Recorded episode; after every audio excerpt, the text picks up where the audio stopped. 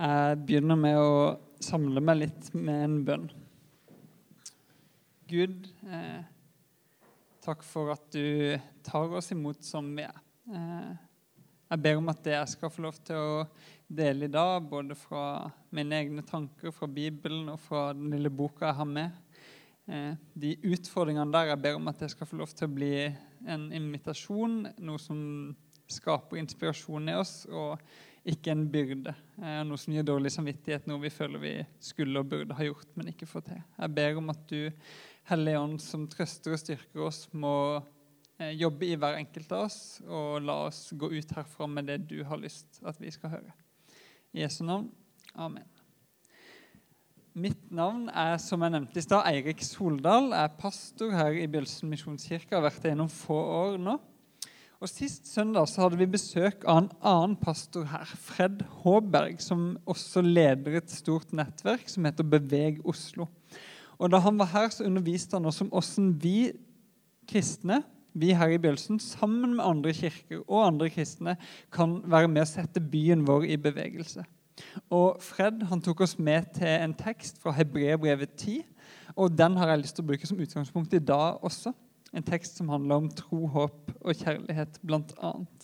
Så da leser vi den sammen. Så har vi da, søsken, frimodighet ved Jesu blod til å gå inn i helligdommen, altså inn i Guds nærvær. Dit han, altså Jesus, har innvia en ny og levende vei for oss gjennom forhenget som er hans kropp. Og siden vi har en så stor prest over Guds hus, og den presten her også Jesus, så la oss komme fram med oppriktig hjerte og full visshet i troa. Med hjertet rensa for vond samvittighet og kroppen bada i rent vann. La oss holde urokkelig fast ved bekjennelsen av håpet, for Han som ga løftet, er trofast. La oss ha omtanke for hverandre, så vi oppgløder hverandre til kjærlighet og gode gjerninger. Det er mye å si om den teksten. Og det er en del vanskelige ord.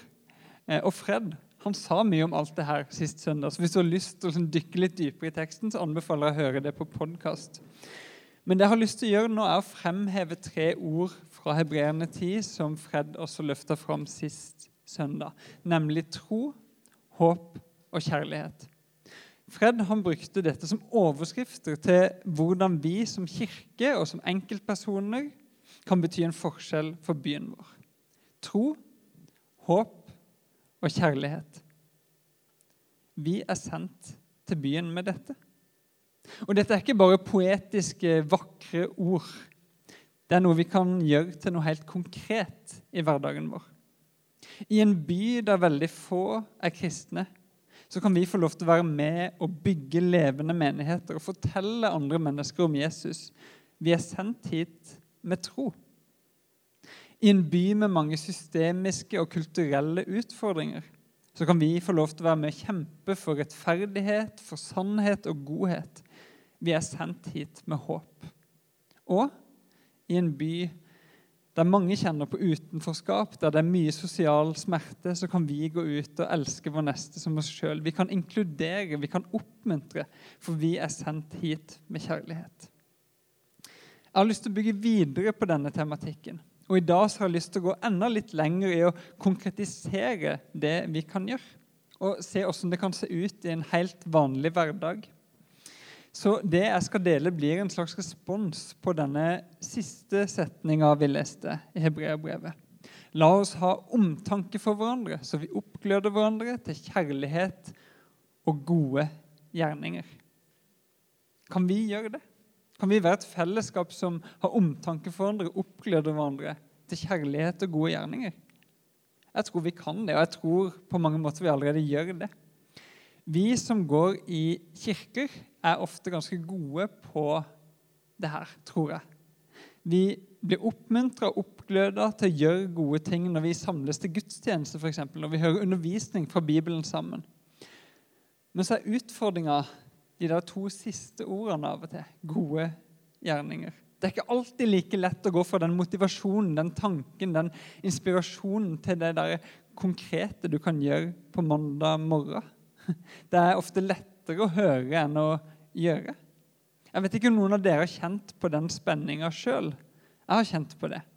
Jeg skal gi et par eksempler på hvordan det kan oppleves for meg. Jeg kan komme på en gudstjeneste et sted, eller et møte, stor kristen festival, og så motiverer undervisninga og fellesskapet og samtalene jeg har med andre der, det motiverer meg til å fortelle andre om Jesus, til å dele troa mi. Og jeg blir gira, jeg. Det er ikke det. Men så kommer hverdagen, da. Og så kommer mulighetene. Så lurer jeg på hvordan i alle dager skal jeg klare å starte en samtale om tro uten at det bare blir rart og kleint. På samme måte så kan jeg komme et sted og bli inspirert til å elske min neste. Men så stopper det noen ganger der. For jeg har ikke blitt utfordra på noe konkret. Eller kanskje det var konkret, men det føltes ikke overkommelig. Så jeg sitter bare igjen med en generell følelse at det er bra å være snill. Det er bra å bry seg om andre, det er bra å ofre noe for de som trenger det. Og så vet jeg ikke helt hvordan det skal se ut. Skjønner dere hva jeg mener? Er dere med på litt tanken? Problemet er at vi kristne, eller for å være ærlige, vi pastorer og prester, vi som står og underviser og taler for menighetene, vi er ofte mye bedre på å motivere enn på å instruere. Og da sitter du igjen, eller den som hører gjerne igjen, med en følelse at en burde gjort noe, men så vet en ikke helt hva. La oss ha omtanke for hverandre, så vi oppgleder hverandre til kjærlighet og gode gjerninger. Men Åssen gjør jeg de gode gjerningene, da? Det blir liksom spørsmål noen ganger. Flere ganger i kirka her så har jeg sitert en forfatter som heter Henry Noven, som sier dette. Du tenker deg ikke fram til nye måter å leve på. Du lever deg fram til nye måter å tenke på. Når du gjør en ting igjen og igjen, så former det deg. Hvis du inviterer folk på middag igjen og igjen, og igjen, så blir du etter hvert mer gjestfri. Mye mer enn om du hadde hørt ti taler om gjestfrihet. Så jeg vil altså konkretisere litt i dag. Jeg har lyst til å gi deg noen forslag. Ikke fasit, men forslag til hvordan det kan se ut å leve et liv der vi får fylle byen med tro, håp og kjærlighet. Jeg har lyst til å gi deg noen konkrete grep som dere kan teste ut i uka som kommer, hvis dere har lyst til det. Jeg kaller det for misjonale rytmer. Misjonal betyr å være sendt. hvis noen lurte på det. Så Når vi er en misjonskirke her, så er vi en kirke som er sendt, og en kirke som sender eh, alle oss her ut hver eneste uke i byen vår. De rytmene jeg skal dele med dere, de henter jeg fra en bok som jeg fikk låne av en venn av meg, Janne Woie Nilsen, som tidligere jobba på Frelsesarmeen på Sagene. Vi hadde en del samarbeid. Hun kom til meg en dag og sa Eirik, den her må du lese. Så legger hun boka i hånda, mi, og så sier hun denne tror jeg du vil like. Og på boka så sto dette. Surprise the world. The five habits of highly missional people. Den er skrevet av Michael Frost, som er en australsk pastor og teolog. Surprise the world. Overrask verden. Janne hun hadde rett. Jeg likte denne boka. Den er fascinerende, inspirerende og utfordrende. Han ga meg noen perspektiver som jeg trengte, som jeg fortsatt trenger, og som jeg har hatt lyst til å dele med menigheten her i lang tid. Og Det er mye i denne boka jeg ikke får delt med dere i dag. Jeg tror den boka, eller de rytmene som jeg skal hente fra den, eh, kan hjelpe oss å finne noen vaner, noen måter å leve på i hverdagen som gjør oss mer misjonale. Noen små grep som setter oss i bedre kontakt med Gud, med hverandre og med menneskene som er i byen vår. Grep som hjelper oss å spre tro, håp og kjærlighet på en måte som gjør at folk blir nysgjerrige. Michael Frost kaller dette her 'to live questionable lives'. Han vil rett og slett hjelpe oss å leve liv som gjør at folk rundt oss blir litt mer nysgjerrige på Jesus. Det er en fin, liten bok. Altså, det blir nesten bokanmeldelse, men jeg fortsetter med det. Det er fint. Kanskje noen av dere får lyst til å lese den. En ting som jeg liker med denne her boka, er at han er ikke skrevet for folk som ser på seg sjøl som evangelister, som er trygge på å gå ut og fortelle folk om Jesus og forklare evangeliet på to minutter. og alt sånt. Den er skrevet for sånne som meg, som syns det kan være litt kleint og vanskelig å ha en samtale om kristen tro av og til, og som helt ærlig ikke alltid er like motivert for det. Og så liker jeg at Frost har en sånn ydmykhet rundt det han skriver. At dette er ikke nødvendigvis en sånn metode som løser alt, en, en metodikk, en oppskrift som funker for alle. Eh, men det er en idé om hvordan et misjonalt liv kan se ut. Og så liker jeg spesielt godt at Frost, forfatteren, er opptatt av at disse rytmene, disse vanene, de skal være lystbetonte. Det skal være gøy å leve misjonalt. Kan noen av dere like det? Å nei. Til slutt så liker jeg det at de rytmene han foreslår, er veldig sånn konkrete og hverdagslige. Five, hei, Five Habits of Highly Missional People er undertittelen på boka. Frost foreslår fem rytmer, fem vaner. Er dere klare for å høre hva de er? Yes, flaks. Eh, ok, Hvis vi hver uke Kan du trykke? Nei, pappa kan trykke. Hvis vi hver uke velsigner mennesker, spiser sammen med mennesker, lytter til Den hellige ånd, lærer oss å kjenne Jesus bedre og reflekterer over situasjoner der vi på en eller annen måte har vært sendt til mennesker for å peke på Guds rike.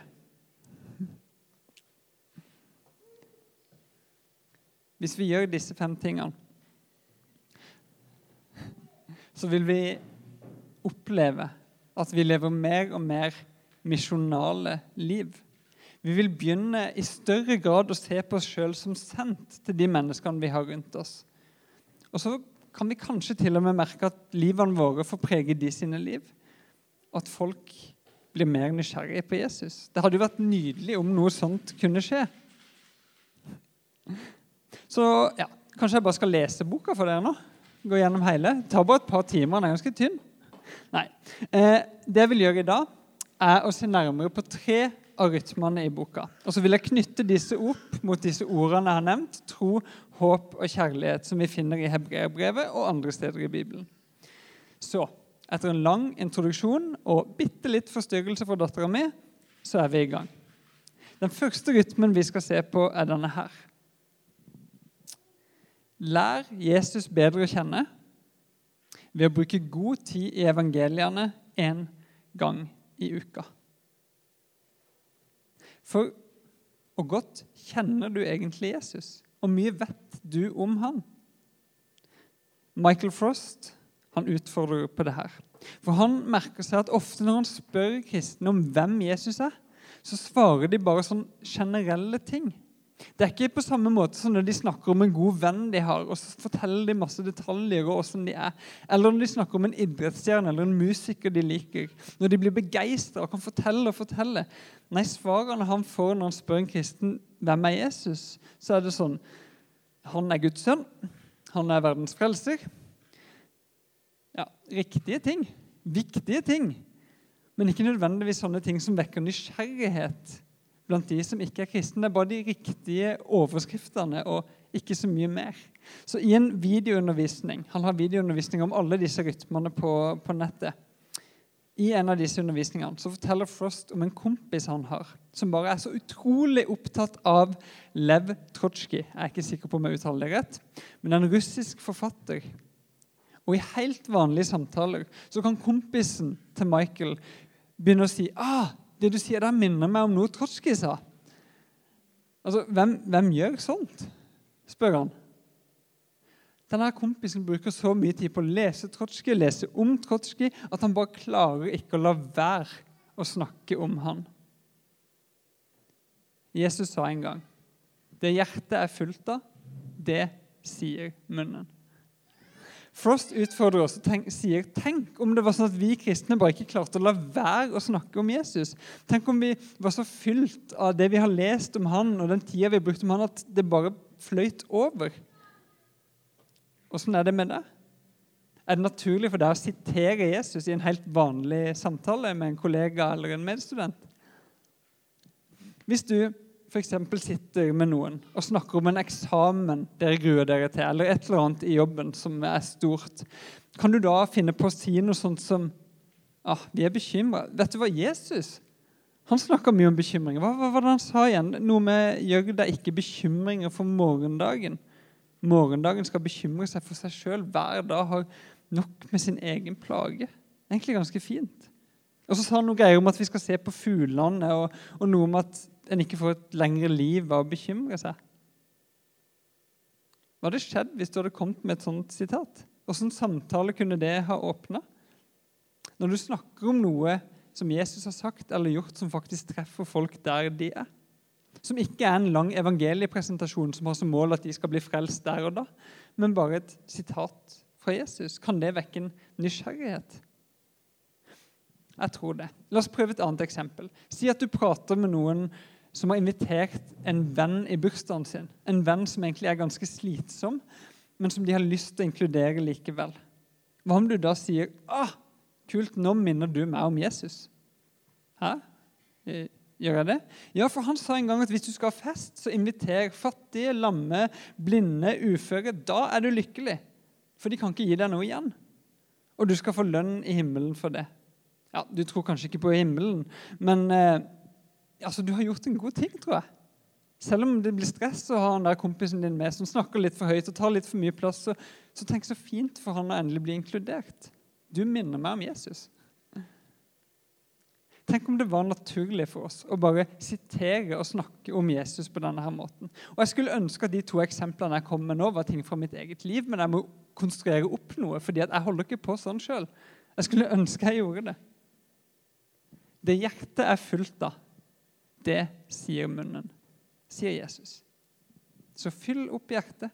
Prøv en gang i uka bare å bruke litt god tid på å lese evangeliene, der du kan finne historien om Jesus, der du kan finne det Jesus har sagt. Og det kan du gjøre på mange måter. Det kan være at du setter deg en halvtime med en kopp kaffe og leser et evangelie. Eller bare leser til kaffekoppen din er tom. Det kan være at du tar Bibelen på lydbok mens du er på joggetur. Siden jeg skulle ha denne talen i dag, så var jeg da jeg var oppe i natt og skulle liksom hjelpe dattera mi å sove, så skrudde jeg på lydbok og hørte halvannen time med Markus' evangeliet mens jeg halvsov. Jeg vet ikke hvor mye jeg fikk med meg, men man kan gjøre det på forskjellige ting. For noen kan det være vanskelig å lese. Da kan lydbok være bra. Eller kanskje det er bare å se en god serie om Jesus på YouTube eller noe sånt som The Chosen eller noe annet. Bruk tid på å lære deg historien om Jesus. Bad i historien om Jesus til den bare påvirker deg, fyller deg. Hvis du er nysgjerrig på ulike måter å lese på, studere Bibelen, gå dypere, så snakk med meg, så har jeg en del metoder og tips der jeg kan bruke. Men jeg skal ikke gå gjennom det nå. Det viktigste er egentlig ikke åssen vi bruker tid med evangeliene, men at vi gjør det. At vi bruker tid med Jesus og lar oss prege av historien om han. Og hvis vi gjør det til en vane, så kan det jo hende at vi blir litt mer som de første kristne. De som sa vi kan ikke la være å tale om det vi har sett og hørt, som vi kan lese i apostlenes gjerninger. Og Hvis vi blir sånne, som i alle fall av og til ikke klarer å la være å snakke om Jesus, og sitere han, så kan det jo hende at noen blir nysgjerrige. Da kan det jo hende at vi får se noen flere mennesker komme til tro på Jesus i denne byen her. Dette er egentlig en ganske god og enkel ting jeg utfordrer deg til nå. Bruk litt tid med evangeliene hver uke. Og jeg tror det også kan være noe lystbetont. Tida du bruker med evangeliene, historien om Jesus, det kan bli noe du gleder deg til for din egen del. Og så må du gjerne kombinere den lesinga med noe annet som er lystbetont for deg. Nå skal jeg lese sitat fra en annen bok jeg liker, nemlig 'Blue Like Jazz'. Og Der forteller forfatteren Don Miller om hvordan en av vennene hans endte opp med å bli en kristen. We would eat chocolates and smoke cigarettes and read the Bible, which is the only way to do it, if you ask me. Don, the Bible is so good with chocolate. I always thought the Bible was more of a salad thing, you know, but it isn't. It's a chocolate thing. Så sett deg ned med en bolle full av sjokolade og les evangeliene. Sitt med beina på bordet og en øl i hånda hvis det er det som funker for deg. Eller ta det på joggetur hvis det er det som er bra for deg. Gjør det sammen med noe du liker, noe som er lystbetont, så vil den greia knyttes til det å lese evangeliene. Og så blir det en god ting.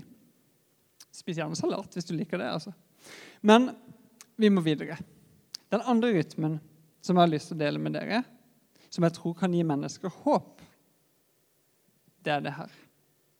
Velsign noen tre ganger i uka. Hva betyr det? Velsigne. En typisk kristen ord. Betyr det gå bort til noen på gata og si 'Herren velsigne deg og bevare deg', 'Herren la sitt ansikt lyse over Du kan gjøre det. Det kan bli litt rart. Eh, jeg skal gi deg noen andre forslag. Michael Frost han forklarer at å velsigne kan bety tre forskjellige ting. Det kan være noe så enkelt som å snakke godt om noen. Safari er her, synger mye gospel. Bless the Lord det er type sånn ting som går igjen i gospel og lovsang. Vi velsigner Gud når vi snakker godt om Han. Og så kan vi velsigne hverandre ved å skryte av hverandre. Gi oppmuntrende ord. Si det er godt å se deg. Eller 'så fin jakke du hadde på deg', da. Eller 'jeg syns du er god til dette', eller 'du får meg til å føle meg bra når jeg prater med deg'. Når vi gjør det, eller snakker godt om folk som ikke er til stede, så velsigner vi dem. Enkelt og greit. Så snakk godt om noen. Den andre tingen du kan gjøre, og det velsignelse kan bety, er å bare gjøre noen glad. Og En måte som jeg er blitt velsigna på på denne her måten, det er når noen ut av det blå det har skjedd meg et par ganger, bare har sendt en sånn morgenlevering på døra. Plutselig så dukker det opp deilig kaffe og ost og spekeskinke og juice og jeg vet ikke hva. Og så blir jeg bare så glad. Det er en skikkelig velsignelse. Og det har inspirert meg til å gjøre det samme for noen andre et par ganger. Velsigne kan for det tredje bety å gi noen styrke, eller spesielt på engelsk så betyr 'bless' å styrke noen sin arm. Man velsigner folk hvis man hjelper dem, støtter dem, hvis man holder noen oppe. Jeg har lyst til å komme med et eksempel fra Bibelen som også står nevnt i denne boka fra Michael Frost. Når israelsfolket er på flukt fra Egypt, der de har vært i slaveri lenge, så skal de krysse en sivsjø. Og Moses som leder dem, han får i oppgave å stå med staven sin høyt heva, og da vil Gud dele havet i to og lage en tørr passasje gjennom. Han må stå der lenge. For israelsfolket skal klare å komme tørrskodd og trygt gjennom. Og Han står og står og står, og han blir sliten. Og Da kommer noen han til unnsetning, og de hjelper han, de støtter han, de styrker han. De, de bokstavelig talt styrker armen hans. De hjelper han å holde han oppe, sånn at han klarer å fullføre oppgaven. Og På den måten så velsigner de Moses. Jeg tenker vi kan velsigne hverandre ved å styrke hverandre. Ved f.eks. å spørre åssen det går, og ta oss tid til å lytte. Eller ved å hjelpe noen som har det vanskelig. Be for noen. Eller være med å bære noen ekstra kilo når noen har en oppgave eller en periode i livet som kjennes litt for tung. Da er vi til velsignelse. Så dette er velsignelse. Kort forklart å snakke godt om noen, å gjøre noen glade eller å gi noen styrke. Hva vil skje hvis alle her inne bestemte seg f.eks. hver mandag morgen for å be til Gud og hjelpe oss å se hvem er det jeg kan velsigne denne uka, og velge oss ut tre stykk? Så kan vi gjøre det på enkle, overkommelige måter. Skryte av noen, spandere en kaffe så noen blir glade, bære en sofa med noen på flyttefot. Velsigne tre personer. Det er overkommelig, og du gjør det kanskje allerede, men dette er en mulighet for en bevisstgjøring, og det kan bli ganske gøy. For det er gøy å se den gleden folk får når de blir velsigna. Men hvem er det vi skal velsigne for at dette også skal gjøre oss mer misjonale? Jeg syns Michael Frost er genial her i hvordan han foreslår at vi skal velge ut folk. Han sier La én person være noen som går i kirka, fellesskapet du er en del av. La en annen person være noen utenfor kirka, en som ikke tror på Jesus. Og la siste personen være valgfri. Altså Hvis vi gjør det her innad i fellesskapet, velsigner hverandre på gudstjenester eller andre steder vi er sammen, så blir det litt at disse velsignelsene de spretter fram og tilbake i fellesskapet vårt. Det skaper et overskudd av glede, av velsignelse. Da blir det en velsignelse å komme hit. Et sted du kan regne med at noen skryter av deg, hjelper deg, spør hvordan du har det. Og Hvis vi også vender blikket ut og begynner å velsigne andre, kanskje helt ut av det blå, kommer med en oppmuntring som noen virkelig trenger, da tror jeg vi er med på å gi denne byen håp og gi enkeltmennesker håp. Så jeg slenger det ut her. Kanskje det er noen som har lyst til å sånn, helt intensjonelt begynne å planlegge det her og starte en trend. Og gjøre tre velsignelser hver uke. Leke hemmelig venn uten at det egentlig trenger å være hemmelig. Og kanskje hvis noen begynner med det i fellesskapet vårt, så får andre lyst til å henge seg på fordi en ser at ah, det var en ganske fin måte å leve på.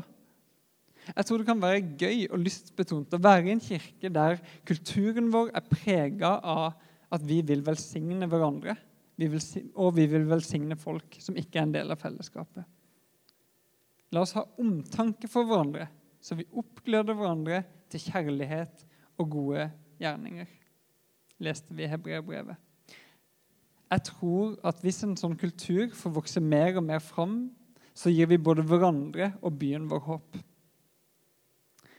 Vi skal til siste rytme. Ja, der var det verset.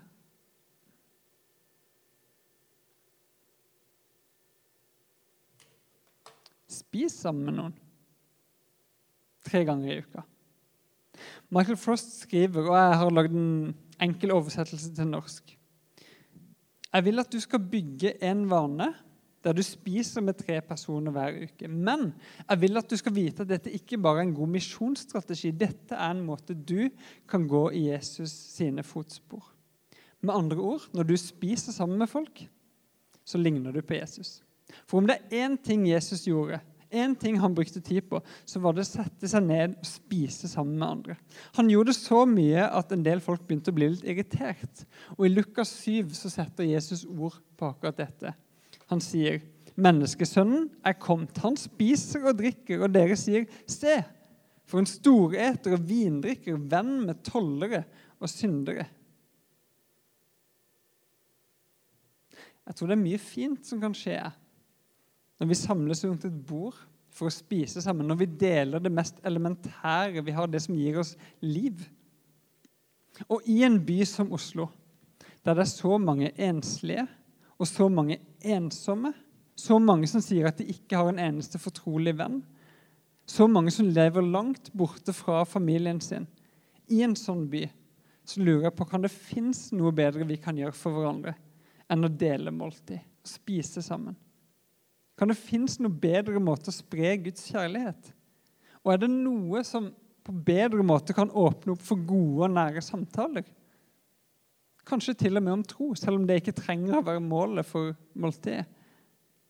Så lurer jeg på om fins det noe sted med mer glede, med mer trøst og med bedre fellesskap enn når vi sitter og spiser sammen. La oss spise med folk. Michael Frost skriver dette. The table ought to be the primary symbol of the Christian gathering. It represents hospitably og det er vanskelig å si på engelsk, hospitability, inclusivity, generosity and grace. Og her sitter vi rundt bordene. Jeg syns det er litt fint. Det Det er mye fint som kan skje når vi setter oss rundt et bord med andre. Og jeg tror det er mye fint som kan skje når vi gjør som Jesus og setter oss rundt bordet med folk som ikke ligner på oss. Folk som ikke passer inn i kristenkulturen vår og hele pakka der. Utfordringa til Frost er enkel. Spis med tre personer hver uke. Det er ikke så viktig hva dere spiser. Det kan være matpakker med noen på jobben. Det kan være en kaffe med en kompis. Det kan være at du inviterer naboene dine på vafler. Det kan være et stort middagsbesøk der du har lyst til å gjøre stas på noen. Det er ikke så viktig hva du spiser, men at du inviterer noen til å dele måltid med deg. til å gjør det mest elementære vi trenger for å få liv. Og På samme måte som med velsignelser så har Frost denne her tredelinga. La én person være noen i kirka, la en person være noen utenfor kirka, og så kan den siste være valgfri. På den måten så bygger vi både et godt fellesskap i menigheten, som gjør at det er godt og trygt å komme hit, samtidig som vi vender blikket ut mot andre mennesker i byen vår. Jeg skal oppsummere. Jeg har utfordra meg sjøl. Altså, når jeg har forberedt meg på det her, så har jeg tenkt at nå skal jeg utfordre menigheten til å leve litt mer misjonalt enn det jeg gjør sjøl. Så dette er en utfordring til meg også. Jeg har utfordra meg og dere til å prøve å bygge noen misjonale vaner eller rytmer. Og så har jeg lyst til å si at Det viktigste er ikke at en får til akkurat tre i uka eller akkurat en halvtime med Bibelen. Men sånne rytmer kan være en hjelp til å til å etter hvert la de tingene gli naturlig i livet vårt. At det bare er noe vi gjør uten å tenke på det, uten å planlegge det. Og om det er så mange, eller hva det er. Men, men ideen er uansett det her. Å teste ut og bruke tid i evangeliene hver uke, sånn at det gjør noe med din egen tro. Du lærer Jesus bedre å kjenne. Og sånn at du kanskje mer naturlig begynner å dele din tro med andre. Det andre er å velsigne tre personer i uka. En i menigheten, en som ikke er kristen, og en valgfri. Sånn at du kan løfte folk opp og gi dem håp i hverdagen. Og det tredje er å spise med tre personer i uka. Én i fellesskapet her, én utenfor og én valgfri. Sånn at du kan være med å inkludere andre, bygge vennskap, spre Guds kjærlighet. Tre enkle rytmer for tro, håp og kjærlighet. Og så kjenner noen at det her kjennes mye i et litt travelt liv, eller jeg vet ikke om jeg får det til, eller det blir så mye å planlegge. Og, ja, kanskje. Eh, og kanskje ikke du skal gjøre alt. Men uansett så har jeg bare lyst til å si at de tingene jeg har utfordra til, så er det jo ingenting av det her som er veldig avansert eller vanskelig eller veldig stort. Og en del av det her driver du helt sikkert med allerede. Men hvis du begynner å intensjonelt forme livet ditt etter noen misjonale rytmer for å justere kursen din litt ut til Oslo by, så er det jo mulig at livet rett og slett bare blir litt gøyere å leve. Litt mer spennende. Jeg tror dette er rytmer som kan gi oss glede, hvis vi prøver å teste de ut. Jeg tror at du sjøl kan få mer tro, håp og kjærlighet i ditt eget liv når du søker Jesus, når du finner glede i å velsigne andre, og når du spiser sammen med folk, sånn at du får nærere og bedre vennskap med dem. Jeg tror at disse rytmene kan fylle dette fellesskapet med tro, håp og kjærlighet. Når vi søker Jesus sammen og har mer å dele med hverandre, når vi velsigner hverandre, løfter hverandre opp og gir håp, og når folk i fellesskapet spiser sammen og blir kjent over en kopp kaffe. Og så tror jeg, og det er jo et av hovedpoengene i dag, at dette kan gjøre noe med byen vi er sendt til. Jeg tror byen kan settes i bevegelse når helt vanlige kristne av og til bare ikke klarer å la være å snakke om Jesus fordi de har brukt så mye tid med han. Når de går rundt og velsigner andre ut av det blå og gir folk håp. Når de inkluderer, når vi inkluderer ensomme, når vi spiser sammen med folk og fyller Oslo med kjærlighet. Så Jeg vet ikke hva du tenker når du ser det her. Kanskje har du lyst til å teste ut én av disse. Kanskje to, kanskje alle tre i løpet av ukene som kommer. Kanskje du skal sette deg Jeg prøver én måned. Eller jeg prøver tre uker. Og Kanskje viser det seg at noe av det her er så gøy og livgivende at du har fått lyst til å gjøre det til en naturlig del av ditt liv. Kanskje får du med deg noen flere. Kanskje vokser det fram en kultur i fellesskapet vårt for å leve sånne helt enkle, vanlige, misjonale liv. Og kanskje blir da noen av vennene våre, kollegaene våre, medstudentene våre litt mer nysgjerrige på Jesus. Jeg vet ikke, men eh, vi vet ikke hva som skjer hvis ikke vi prøver. Så det var utfordringa mi fra Frost og Bibelen og alt mulig til dere og meg sjøl i dag. La oss eh, høre litt sang og synge litt sammen.